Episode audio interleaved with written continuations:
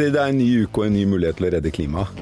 Ja, og Boris Johnson sa jo at eh, nå er klokka ett minutt på tolv, eh, og det er verdens siste sjanse. Det minner jo litt om eh, nå avdøde Kjell Bekkelund, den fantastiske pianisten som eh, hadde avskjedskonsert etter avs avskjedskonsert. Men det som De kom ofte og tett. Ja, men, men det som irriterer meg aller mest, det er jeg sitter og ser på CNN, og jeg har sett ganske mye og hørt de alle taler. Eh, og det er eh, helt eh, utrolig når en del av de landene som virkelig kommer, som har, står med i, realiteten allerede i dag Det var vel Maldivene var oppe, og flere som sa at i 2050 så er det for seint for oss. Mm. Så det, er litt sånn Ja, det er en felles forståelse. Det som er interessant å diskutere i dag, det er felles forståelse, opplever jeg der i Glasgow. Du, men, men er det er det mulig å bli enig om et felles mål, eller blir det bare en gjeng eh, som driver med litt grønnvasking på litt forskjellige nivåer? Det er et godt spørsmål, men som, som så ofte før, og ellers i livet, så er jo du og jeg på svært dypt vann akkurat nå. Ja, det er helt- Som for så vidt er en passende metafor når vi snakker om klima og økende ja. Ja. havnivå. Men, eh, så derfor har vi jo med oss fantastiske gjester til å forklare oss disse tingene som, eh, som vi og sikkert mange av lytterne lurer på. Og da har vi med deg Kira Nasis, som leder ansvarlige investeringer i KLP. Velkommen, Kira. Tusen takk. Og så har vi med deg Petter Gulli som gammel reklamemann, som Ja. nå driver 12 Years. Ja. Hva er det for noe? Nei, det er, altså, det er et, eh, for å si det raskt, da. eh, I 20 8. oktober 2018, da kom FNs klimapanel med den rapporten som skal ha tolv år på å nå togradersmålet, helst her halvannen. ja. Eh, Den dagen sa jeg opp jobben etter 30 år i reklamebransjen, og bestemte meg for å bare jobbe med bærekraft resten av livet. Og tok da navnet fra det, 12 Years. Men jeg jobber i skjæringspunkt markedsføring, bærekraft, samfunnsansvar.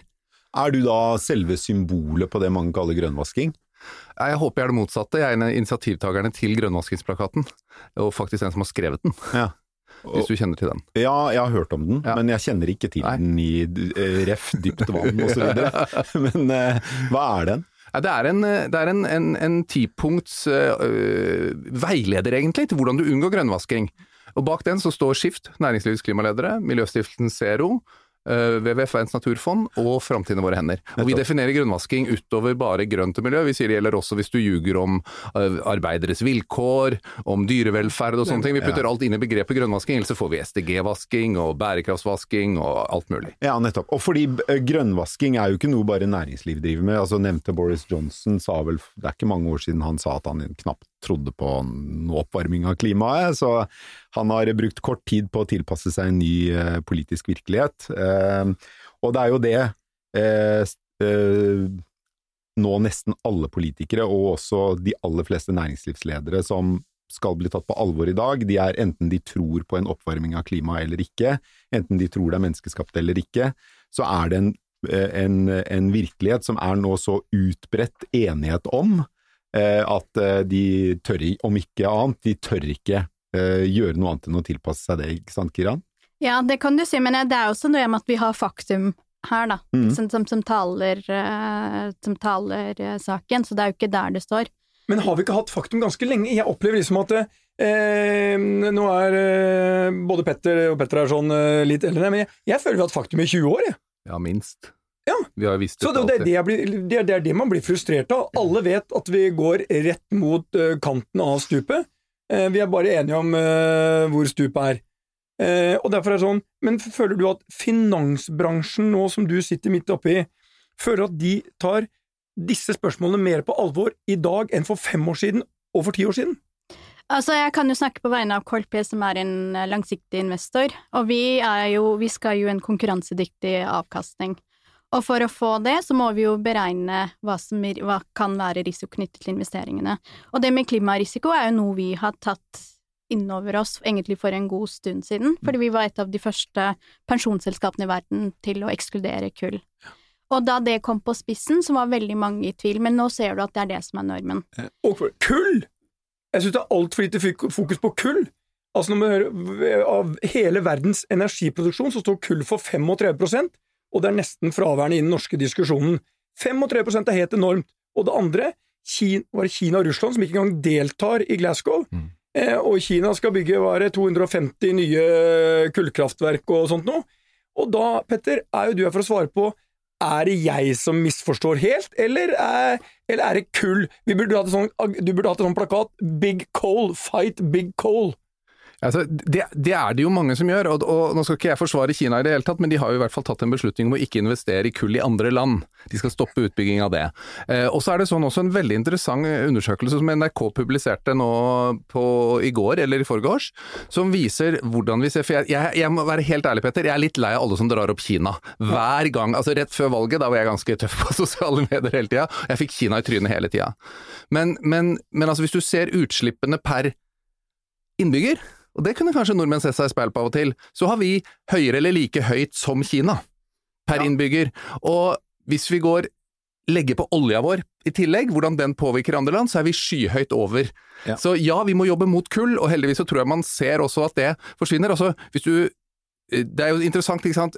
Fornybar energi på sol har jo økt med 80, nei, prisen har falt med 80% på ti år, på byggesol. Enkelte steder har de flere år på rad nå vært rimeligere å produsere Eh, nei, å, å, bygge nye solkraftverk enn å drifte kullkraftverk. Jeg, jeg, så kull er på vei ut. Ja, men um, jeg, jeg syns jo for så vidt ikke det er så interessant å sammenligne land, fordi de, altså, Kina og Norge En ting er at Kina er et ufattelig mye større land enn Norge, men de ligger også veldig langt bak i velstandsutviklingen. Norge er en oljeprodusent som gjør at du kan liksom regne på det, at Norge er en stor global utslippsaktør, ja. selv om vi er en liten nasjon. Altså, det, det er jo veldig mange måter å regne på det, og, og de blir alle feil og alle riktige.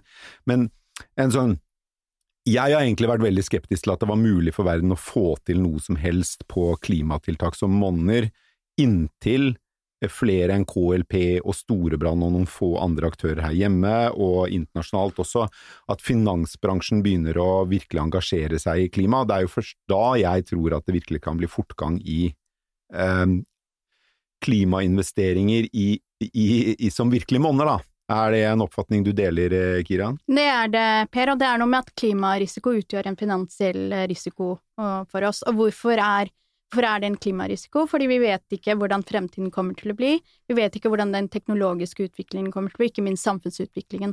Så vi er jo helt avhengig av å ha en velfungerende klimapolitikk for at vi skal ha den eh, finansiell stabilitet.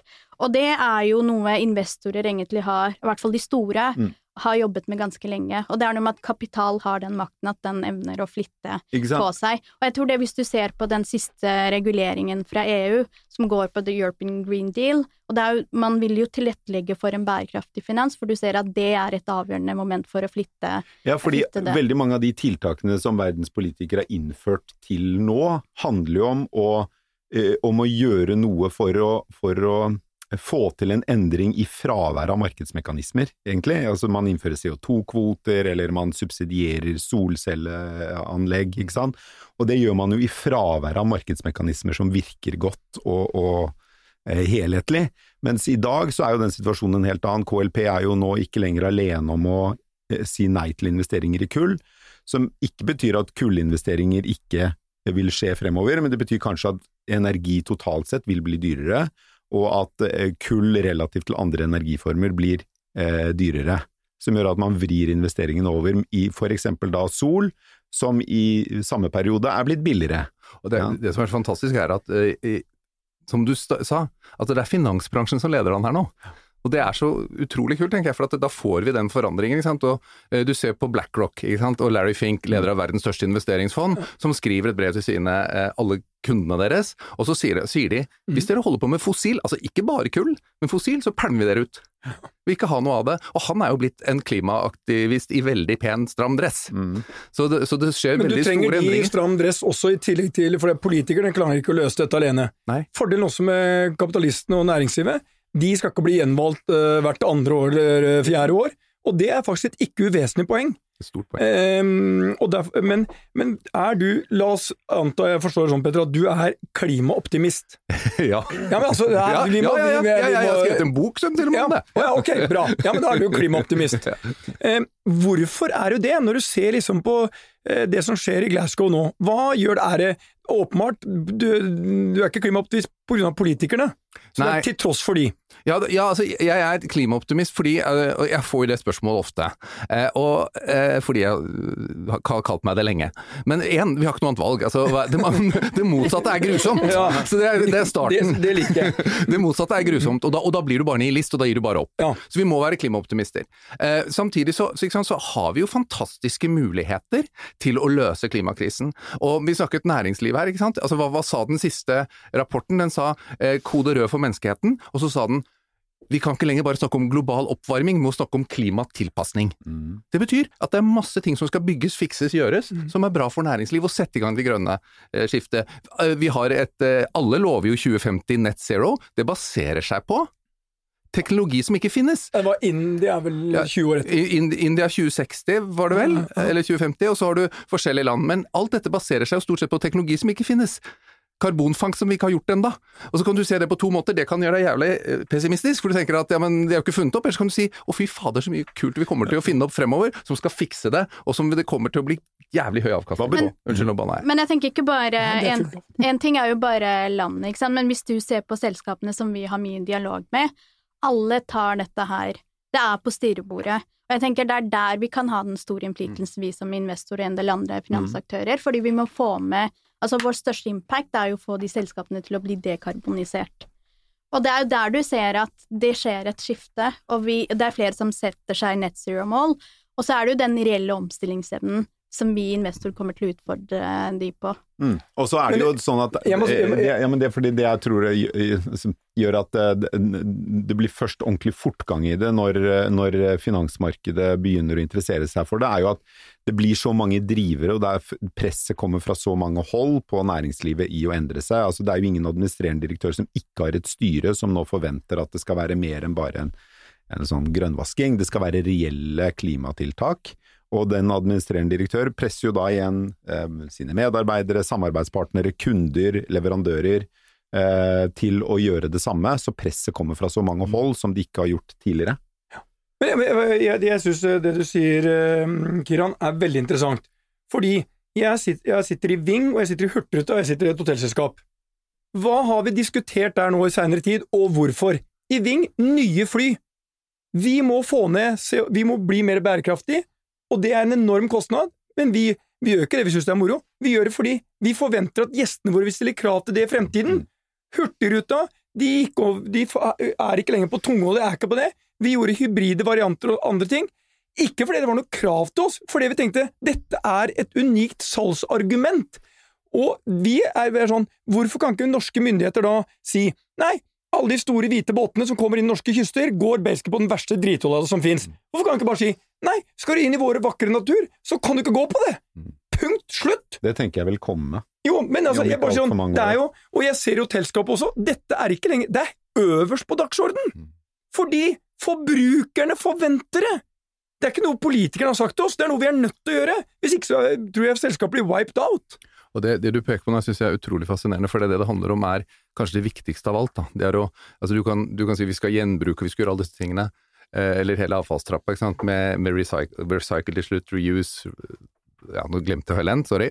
Men, men poenget er refuse, du, refuse ikke tenk på oss, fordi vi Nei, men, men, men, refuse først. Altså, jeg ser stadig flere næringslivsledere som gjør det, og gjør det i tide. Som sier nei, vi vil ikke være med på dårlige ting.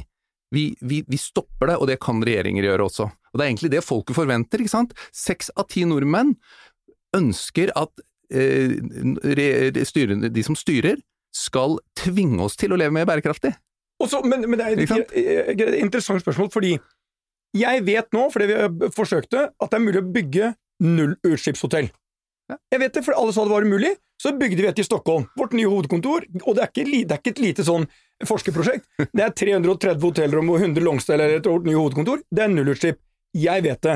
Så er spørsmålet Hva, hva er et nullutslippsbygg? det slipper ikke ut noe energi. Altså, vi, vi genererer Hadde det vært perfekt grid i Stockholm, så kunne vi solgt energi. Ja. Så, øh, og måten er bygd på, det, dette er super bærekraftig. Men Men, var det dyrere for dere? det var det jeg kom til! Svaret er det var, det var, var my, det var mye dyrere. Eh, Men vil da, tror man at fremtidens kapitalister som du, eller KLP, da, vil de akseptere lavere avkastningskrav hvis det er mer bærekraftig eller grønt. For idet det skiftet kommer, da flyttes det, tror jeg, enorme summer eh, investeringsmessig. Jeg tenker, Fra, fra vårt ståsted så jeg tror det er viktig å ha med et langsiktig perspektiv. Ja, Men vil du, du bør ikke, jeg vet at det er vanskelig å svare på det, eh, du sitter i KLP, og du kan få da, la oss ta det, du, du har pensjonister du skal betale penger til over eh, uendelig lang tid. Si at avkastningskravet der ville vært på et vanlig bygg øh, øh, 5 kanskje, hvis du hadde gått inn. Vil du akseptere 3,5? Altså hvis det er et, i et langsiktig perspektiv. Ja. Jeg tenker, eh, så hvis du, har, hvis du har planer som kan klassifisere seg for den omstillingen vi ønsker, så vi som investor tror jeg at man kan være, være, være rause med det. Men det er, jo, sant, det er jo på en måte det langsiktige perspektivet du må ha med deg. Du må jo vise, må, du må jo på en måte vise substansen, eh, Petter. Men eh, i KLPs investeringer, jeg vet ikke noe om eh, hvordan KLPs aksjefond gjør det sammenlignet med andres, men jeg vil anta at de er sånn røftlig like gode eller dårlige som de fleste andre fond. Altså det er noen, det er noen småforskjeller liksom på en halv prosent eller noe sånt over noen år, men eh, merker dere at eh, når dere strammer til på klimatiltak, at det egentlig har liten effekt på avkastningen i fondene? Altså, vi er jo investert i over 7000 selskaper globalt i over 72 land. Um, det, og det er jo indeksfond som er vårt hovedprodukt, og mm. vi skal ha lave kostnader, ikke sant. Og det var jo som jeg innledet med å si, at vi har noen forpliktelser om hvor mye avkastning vi skal gi. Så, den, så hele, og det er jo det som er at vi skal være bredt eksponert. Mm. Uh, og det gjør jo til at vi, hvordan, hvordan, vi vurderer, at vi har mulighet til å påvirke egentlig bransjer i alle sektorer og alle selskaper osv. Og så er det sånn at hvis du ser på, hvis du ser på for eksempel, vi har nylig vedtatt et veikart mot uh, Parisavtalen, og nå så ligger alignment på sånn ca. 47% og det skal ned til 50 eller opp til 50% i 2025. Og det er ikke lenge til. Men fra 2025, hvis det er selskaper som ikke viser noen reelle omstillingsevne eller planer, da må vi vurdere er det noe vi ønsker å være med på. Men ok, Kiran, si at nå er, du ikke, nå, nå, er du ikke, nå er du ikke ansvarlig for etisk forvaltning i KLP, men du er privat investor, og du har 50 millioner kroner å investere for. Oi, oi, oi. Eh, eh, ville du investert i olje og gass? Som, som jeg om, Fordi du skal maksimere gevinsten på pengene dine? Jeg tenker Det er jo et valg du må ta hva du ønsker å være med på. Ønsker du å være med på de forpliktelsene som verden har vedtatt, så må man jo vurdere. Men når det er sagt, så er det sånn at vi er jo avhengig av olje og gass og kull eh, som energiskiller. Det er jo der det står. Så hvis, du, hvis ditt eneste formål er å profittmaksimere, ville du da styrt unna fossile brensler i investeringsporteføljen din? Jeg tror du kan, uh, hvis det er eneste, men nå er det ikke det eneste formålet mitt. Det er en grunn til at jeg jobber i KLP. Ja, ja, men hvis du ikke jobber i KLP og har de 50 millionene en helt, en helt annen ting, for Petter, jeg trenger å vite følgende. Nå snakker vi om de store tingene. De store ja. selskapene og de som virkelig gjør noe, og KLP som da investerer penger. Mm. Som, men enkeltmennesket? Hva tenker du vi som enkeltmenneske bør bidra med? Oi. Eh, ja, men hjem, ja, hjemme hos uh, liksom, Petter Gs uh, ja. Spis mindre kjøtt nå. Nei, jeg skal ikke si spis mindre kjøtt. Jeg, tror, altså, jeg pleier å si det er to ting vi kan gjøre. To, altså, det er en lang rekke ting vi kan gjøre. Jeg skal ikke begynne på hele re eh, regla. Men gjør noen, gjør noen altså, Finn noen små ting som driver deg, som du syns er motiverende. Sånn som Jeg skal ikke gå inn på det med en gang, men sånn, som er sånne småting som ikke er viktige i seg selv, men som du kjenner på Ja, det er bra. Du må ta, men, hva er topplista, topp tre-lista til Petter G? Topp tre-lista på de viktigste tingene du kan gjøre, er én eh, Bruk visakortet ditt til å stemme med. Stem ut de dårlige bedriftene, og kjøp varer fra de som er bra. Er, i, altså, overraskende eh, førsteplass her, men igjen må vi legge til du kan også bruke mastercard ditt, Amex-kartet ditt, eller eh, virksomhetskort du har. det er ikke bare Visa. Eller Vipps. Ja. Eller, bruk, bruk, okay. ikke reklame, bruk betaling. Forbrukermakta, det er det han sier. Forbrukermakta. Forbrukermakta. Godt innspill. Nei, men bare si, jeg tenkte, hvis han var aksjonær bruk, altså, Men bruk, bruk forbrukermakta, det har mye større effekt enn at, du, enn at du tar vare bare på de single bananene, som også er gøy. Eh, nummer to, eh, bruk ansattemakta di. Og Det er det mange som ikke tenker på. At man kan påvirke arbeidsplassen sin. og Det ser jeg stadig flere bedrifter eh, ikke bare sliter med, holdt jeg på å si, men altså du får Det sies jo at eneste grunn til at Jeff Bezos mm. tok tak i det, og jeg vet ikke om dette er helt korrekt, men så vidt jeg husker, at han tok de store målene for Amazon, var at det kom trykk unnifra fra de ansatte. Ikke sant? Så ansattemakta er kjempeviktig. Så du er arbeidstaker, der har du makt. Du er forbruker, der har du makt. Og så er det hvert, fjerde, hvert andre år faktisk, er det valg. Og da er det stemmeseddel. Og da må du stemme for den framtida du ønsker egentlig også for barna dine, selv om jeg er litt lei av det. Men barna dine. dette, Petter, dette tror jeg på, og det siste, ansattemakt. det er 80 av årsaken til at vi bestemte oss for at vi skal være kvitt all engangsplast i Nordic Choice i, sånn, i år, eller nå er det snart eh, altså, det, Vi ble, fikk et lite setback av koronaen, men, så det blir kanskje to. Vi skal være kvitt det nå asap Zulu. Um, og det skyldtes at det kom et sånn krav opp etter alle disse filmene kom om engangsplast i havene. Og det var noen som sa snart finnes det mer plast i havene enn fisk, eller et eller annet sånt. nå. 2055. Um, Men jeg tror det er bare for å supplere med det du sier. Jeg tror det å, som forbruker, du skal ikke undervurdere den makten det å stille spørsmål til alle de leverandørene du har, om det er pensjonsleverandører, om liksom det er banken din, osv., osv. Fordi vi har noe som heter Svanemarkedet fond i KLP, og hvor 70% nytegning, og det er investert i selskaper som er eksepsjonelt gode på samfunnsansvar. Og da er det hele helheten, alt fra menneskerettigheter til klima, som du var inne på, Petter. Og det vi ser, er at det er veldig mange unge og kvinner som investerer. Altså 70% av all nytegning i år i KLP-fondet har vært i de fondene. Så jeg tror det er et stort ønske. Liksom gir du et tilbud, og som forbruker, vi alle er jo forbrukere, så vi må være, bare være flinkere til Men jeg, jeg tror det kommer til å Du hører så mye når man er på debatter, men det Petter sa her sånn, det er visa og den makten du har som ansatt, og den makten du har når du leverer stemmesedlene dine, som ikke vi gjorde for lenge siden. Hvis alle er bevisst de tre tingene, så gir det kanskje en mye større effekt enn alt annet til sammen. Ja, og ikke bare det, da- får vi systemisk endring. For da Ja. tvinger vi fram systemisk endring. Men Petter, vil du si at det har vært en systemisk endring? Vi har jo nylig hatt valg i Norge. Nei, det, vil- skal vi gå inn i natta nå? Det var, Nei, det- det- nei, nei, og det er jo- Da smalt hun ut to Molotov-cocktailer og sendte Jeg, Petter jeg, setter meg, jeg, altså. Kneskålene knuste Ja, av ja, 1,40 ja, ja. Nei, eh, det, jeg, eh, det, det valget var jo interessant. Ja. Eh, og, og, og igjen så viser det for meg at vi klarer ikke helt Det var litt interessant, vi hadde en prat på rommet før vi gikk inn her, hvor Petter snakket om eh, en, eh, at han akkurat, hadde sett på CNN om en jente som ble gifta bort. Ja, det der-. Ti år gammel. Eh, og, og, og det derre hva som skjer når du ser enkeltskjebner, altså hva som skjer når det kommer nær oss. Parallelt i dag på vei ned så hørte jeg Ole Mattismoen, eh, klimajournalist på siden 90-tallet, fortelle om han hadde vært oppe på en bre nå, med en breforsker i Norge, som fortalte at den hadde eh, gått fem meter ned på en måned. Fem meter på én måned hadde den bre- breen krøpet. Det blir så fysisk og så synlig. Så fortalte du eh, i sted om ja, Du kan si det selv. Jeg kan si det, jeg var i Pakistan i desember, for det er en storsøster som bor der. Og så er det sånn at Pakistan, altså det Verdensbanken har sagt, at Pakistan kan gå tom for vann i 2025. Altså det er ikke lenge I 2025. Ja, og så er det sånn at det er, det er jo noen Og Pakistan bare sånn, det er 300 millioner mennesker, eller hva det er for noe? 220. Ja, ok. Det er, Det er det langt, men det er ikke langt ifra. Men hele poenget Jo, er her er at liksom en av de elvene som er en av de viktigste vannskillene Altså, jeg kunne se det med mine øyne at det var, det var på vei til å bli tørket. Ikke sant? Og sånne ting gjør inntrykk. Og jeg sitter i styret til Flyktninghjelpen, og det vi ser er at det er de mest sårbare som kommer til å bli mest rammet av disse klimaendringene. Men 2025? Ja, Det er jo 2025. rett rundt Ja, hjørnet. Men jeg tror du er inne på noe ganske vesentlig der, Kiran. Fordi eh, nettopp det at det er de mest sårbare som vil bli rammet eh, hardt av klimakrisen, det er jo ikke vi her oppe i Norge. Altså, vi kommer kanskje til å få litt mindre isbreer og, og må, må gå to timer for å se resten av breen. Mens eh, i Pakistan eller mange andre land eh, som sliter med vannmangel, så vil det merkes akutt av veldig mange. Eh, og det er vel en vesentlig utfordring i å få klima høyt oppe på i pannebrasken til velgere og forbrukere her i Vesten.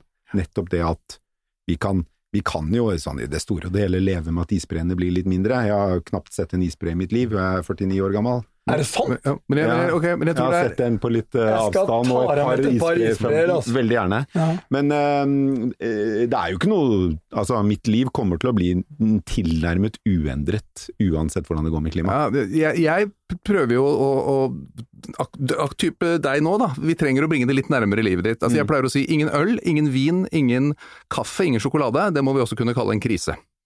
Og alle Ja, ja. de fire er trua av klimaendringer. Jeg tror vi skal være klar over at det er en del ting vi er ganske jeg- glad i, da. Som kommer til å Misforstå meg rett, Petter, for jeg sier ikke at det ikke er viktig, men jeg, sier, jeg, jeg mener at uh, nettopp fordi vi som uh, sitter på mye av uh, som den avgjørende makten og innflytelsen over hvordan dette vil utvikle Mm. seg, vi merker det i så radikalt mindre Mm.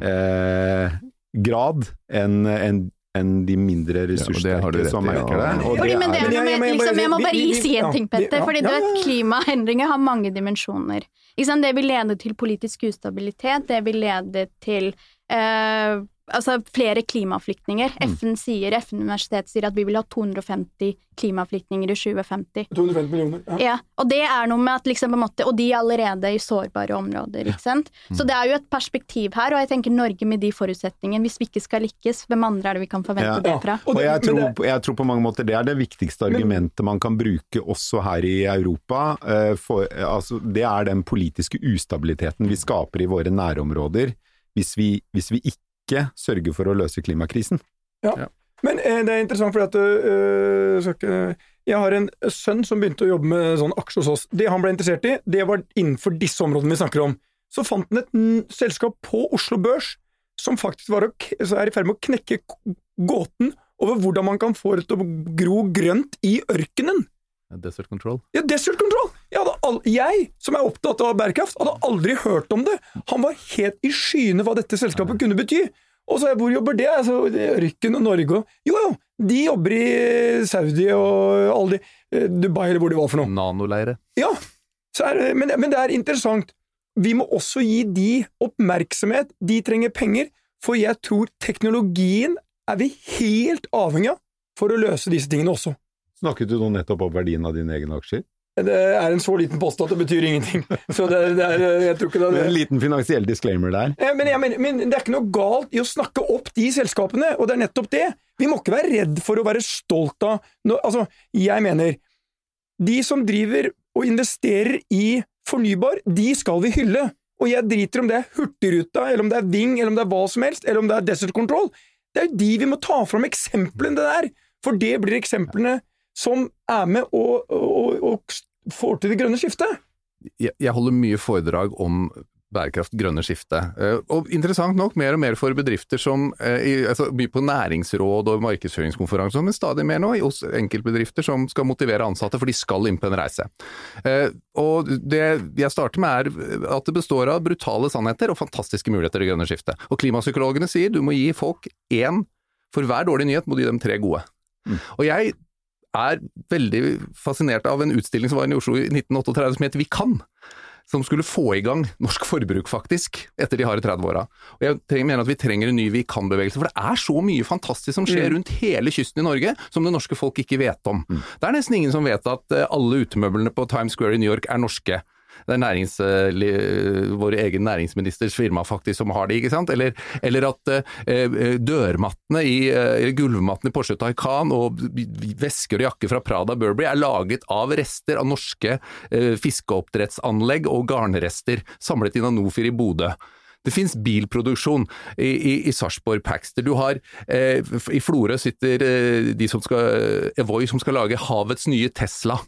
Ikke sant? Elektriske båtmotorer. Tenk når vi snakket om cruise i sted, når du skal inn i de norske fjordene med sånne ribber. Ja. Istedenfor 500 bensinhester på hekken, så har du el. Ja, det er- stille. Kan Altså, det er så mye flott og fantastisk som skjer. Er Kast deg helt- på nå, Kira! Ja, og jeg tenker det er veldig, veldig bra, og det er de vi må støtte, for det er liksom fremtidens forretningsmodeller. Men jeg tror det er noe med at nå har vi kanskje muligheten til å gjøre ting litt sk- riktig fra scratch av. Ikke nok med at vi har ødelagt veldig mye, men det er noe med at det er viktig å ha med seg helheten. Altså Du kan være et fornybart selskap, og så kan du operere i konfliktområder. Så ha med deg helheten på hele, på hele ESG, og ikke liksom bare se enkeltfaktorer. Vi, uh, vi må jo uh, straks runde av, men eh, Petter, du var inne på det at for hver dårlige klimanyhet så må du ha tre positive. Så jeg tenkte vi, vi tar den jeg, på et litt sånn eh, eh, globalt nivå. Kiran, eh, den dårlige nyheten er jo åpenbart at kloden fortsetter å bli varmere. Det er lite som tyder på at politikerne i Glasgow som sitter samlet nå, kommer til å klare å vedta konkrete politiske eh, endringer som eh, blir fulgt opp, og som virkelig monner. Det er den dårlige nyheten. De tre gode nyhetene. Altså, den en, eh, Jeg tror du har bedre grunnlag for å si om de positive, men det er i hvert fall det ene jeg har tenkt på, er jo at veldig mange av de menneskene som er i emerging markets, altså? Der er det unge mennesker, det er ung befolkning. Vi nevnte vi var inne på Pakistan. Over 60% av befolkningen er under 30 år. Så det gir meg håp. Og det er liksom hvis du ser på Afrika som kontinent. Jeg tenker det er en uh, god nyhet. Den andre gode nyheten er vel at alle har dette på sin agenda. Vi vet at de beslutningene vi kommer til å ta i dag, kommer til å påvirke fremtidens generasjoner, og jeg har ikke lyst til å sitte her og vite at jeg ikke bidro med det jeg kunne. Det er det andre, og det tredje er vel at vi må vi må fortsette å stille spørsmål, og vi må vise handlekraften. Og der føler jeg at det er liksom konsensus uh, rundt at det er noe vi er enige om at det her må vi bare jobbe med. Bra. Det var uh, Petter? Ja. Uh, kanskje den aller beste nyheten som er at nå er det blitt ekstremt høy uh, awareness, som det heter for godt norsk, på dette. At alle vet det. Hvis du går bare ti år tilbake, så var det mange som sa nei, men det der er ikke noen utfordring. Nå er det, en, det er egentlig en global konsensus om at vi har et enormt klimaproblem. Og det er faktisk det er en god nyhet. Uh, og så er det noe som vi har vært inne på tidligere i dag, at uh, den farten som fornybar har, vind og sol, er helt ekstrem. og i Internasjonale energibyrå har aldri klart å spå den eksponentielle veksten. Og Det går så fort at eh, jeg skal ikke gå inn på politikk og at vi bør ha letestans og sånn, men vi må passe på at Norge kommer med på det toget der. For det går så unna. Eh, og så er det voldsom fart på å fikse karbonfangst og -lagring og karbonfangst og utnyttelse, altså både CCS og Nei, CSS og CSU. CSU. Altså sånn at vi, og, og, og der investeres det voldsomme eh, midler nå. Så, så, så, det skjer mye positivt. Og så er det jo en oppstartsbonanza i verden på grønn teknologi, eh, generelt sett. Som vi virkelig trenger og må støtte og gå, må gå inn med midler i. Det var én dårlig nyhet og fire gode, det, Petter. Vi må, vi må runde av. Petter S, har du tre du har? Jeg har tre. Ok, kjør på, da. Jeg, jeg, jeg skal ta alle på B. Jeg tenker meg om nå, så er det ikke sikkert at alle er på B. Men det ene er Biden. Og det er utrolig at det er positivt at det kom en kar på 78 år. Men hvis du ser på alternativet, så, så var det faktisk en jævla god nyhet. Ja. To, det er Bill, altså Bill Gates. Det han gjorde på vaksinefronten, kan vi gjøre på klimafronten. Og det viser det er én mann, riktignok en av verdens rikeste menn, han bestemte seg for at han skulle knekke noen koder innenfor vaksine, og han gjorde det. Mm. Og så er det siste B-en den det blir hardratt, det er bruk, altså bruk makten, som Petter G var inne med her sånn, som du har, både når du forbruker, når du er i jobben din, og ikke minst når du bruker stemmeseddelen din. Kan jeg Jeg kom på en ting. Ja, du, Nei, men jeg tror det er noe med altså, Det er en refleksjon jeg har gjort uh, gjennom pandemien, er at det er noe grunnleggende i oss som mennesker, er at vi er veldig tilpasningsdyktige når det virkelig gjelder. Så jeg, det der gir meg håp, at vi kommer til Altså når vi vet at det her er alvor, så kommer vi til å virkelig gjøre det vi skal. og de som ikke har skjønt at det er alvor nå. Og nå ja. kom du òg, da! Ja, nei, jeg, nå skal jeg komme med de, de tre f-ene. Ja, det, ja, er veldig bra. Så det har tre gode, tre gode nyheter uh, for klimakrisen, og det er finans, finans og finans. Oh, det så tror jeg er billig! Ja, ja, ja, men det er, sånn, som, det er som location, location, location. Men altså, jeg, jeg tror at det, er, det er like frest som å se maling tørker. Ja, men jeg tror grunnleggende på at skal du få til noen som helst endring i samfunnet, så er du helt avhengig av å ha finansmarkedene med på laget. Og fordi det er kun finansmarkedene som over tid kan skape varige endringer eh, eh, i et så stort omfang at eh, det virkelig monner. Og så da... det er finans, finans, finans. Eh, og med det så må vi eh, si tusen takk til Kira Nazis, eh, leder for ansvarlige investeringer i KLP, og Petter Gulli. Eh, Grønnvaskingsplakatgeneral eh, og leder av 12 Years.